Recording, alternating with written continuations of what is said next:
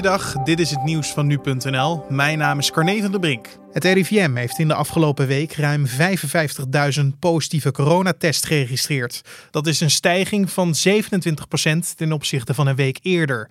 De stijging vlakt daarmee af. De twee weken daarvoor groeide het aantal nieuwe positieve tests met ruim 40%. Uit de wekelijkse cijfers blijkt daarnaast dat 185 Nederlanders zijn overleden aan het coronavirus. Dat is een lichte stijging ten opzichte van vorige week. Uit cijfers van het Landelijk Coördinatiecentrum Patiëntenspreiding blijkt dat momenteel ruim 1800 Nederlanders opgenomen zijn in ziekenhuizen. Het grootste gedeelte van hen wordt behandeld op reguliere afdelingen.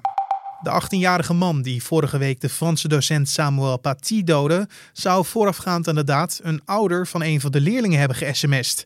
Het gaat om een van de ouders die hadden geklaagd nadat Paty tijdens een les over vrijheid van meningsuiting karikaturen van de profeet Mohammed had getoond.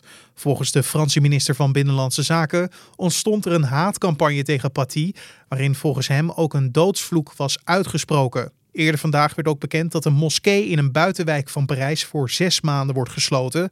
Deze moskee heeft onlangs een tegen gerichte video op Facebook geplaatst.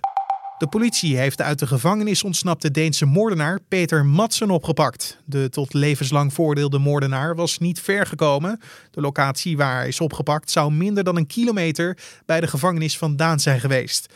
De uitvinder kreeg levenslang voor de moord op de Zweedse journalist Kim Wall. Hij verkrachtte en doodde haar in 2017 in zijn duikboot toen een journaliste langskwam voor een interview. AZ heeft vandaag nieuwe coronabesmettingen binnen de spelersgroep geconstateerd. De kans is aanwezig dat het Europa League uitduel met Napoli van donderdag daardoor niet kan doorgaan. AZ is momenteel aan het inventariseren wat de omvang van de besmettingen zijn en kan nog niets melden over het aantal positieve tests. De NOS zegt dat er acht spelers positief zijn getest en de Telegraaf heeft het over twaalf.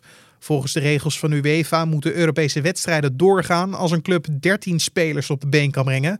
Zo niet, dan moet er een nieuwe datum worden gezocht. En tot zover de nieuwsupdate van nu.nl.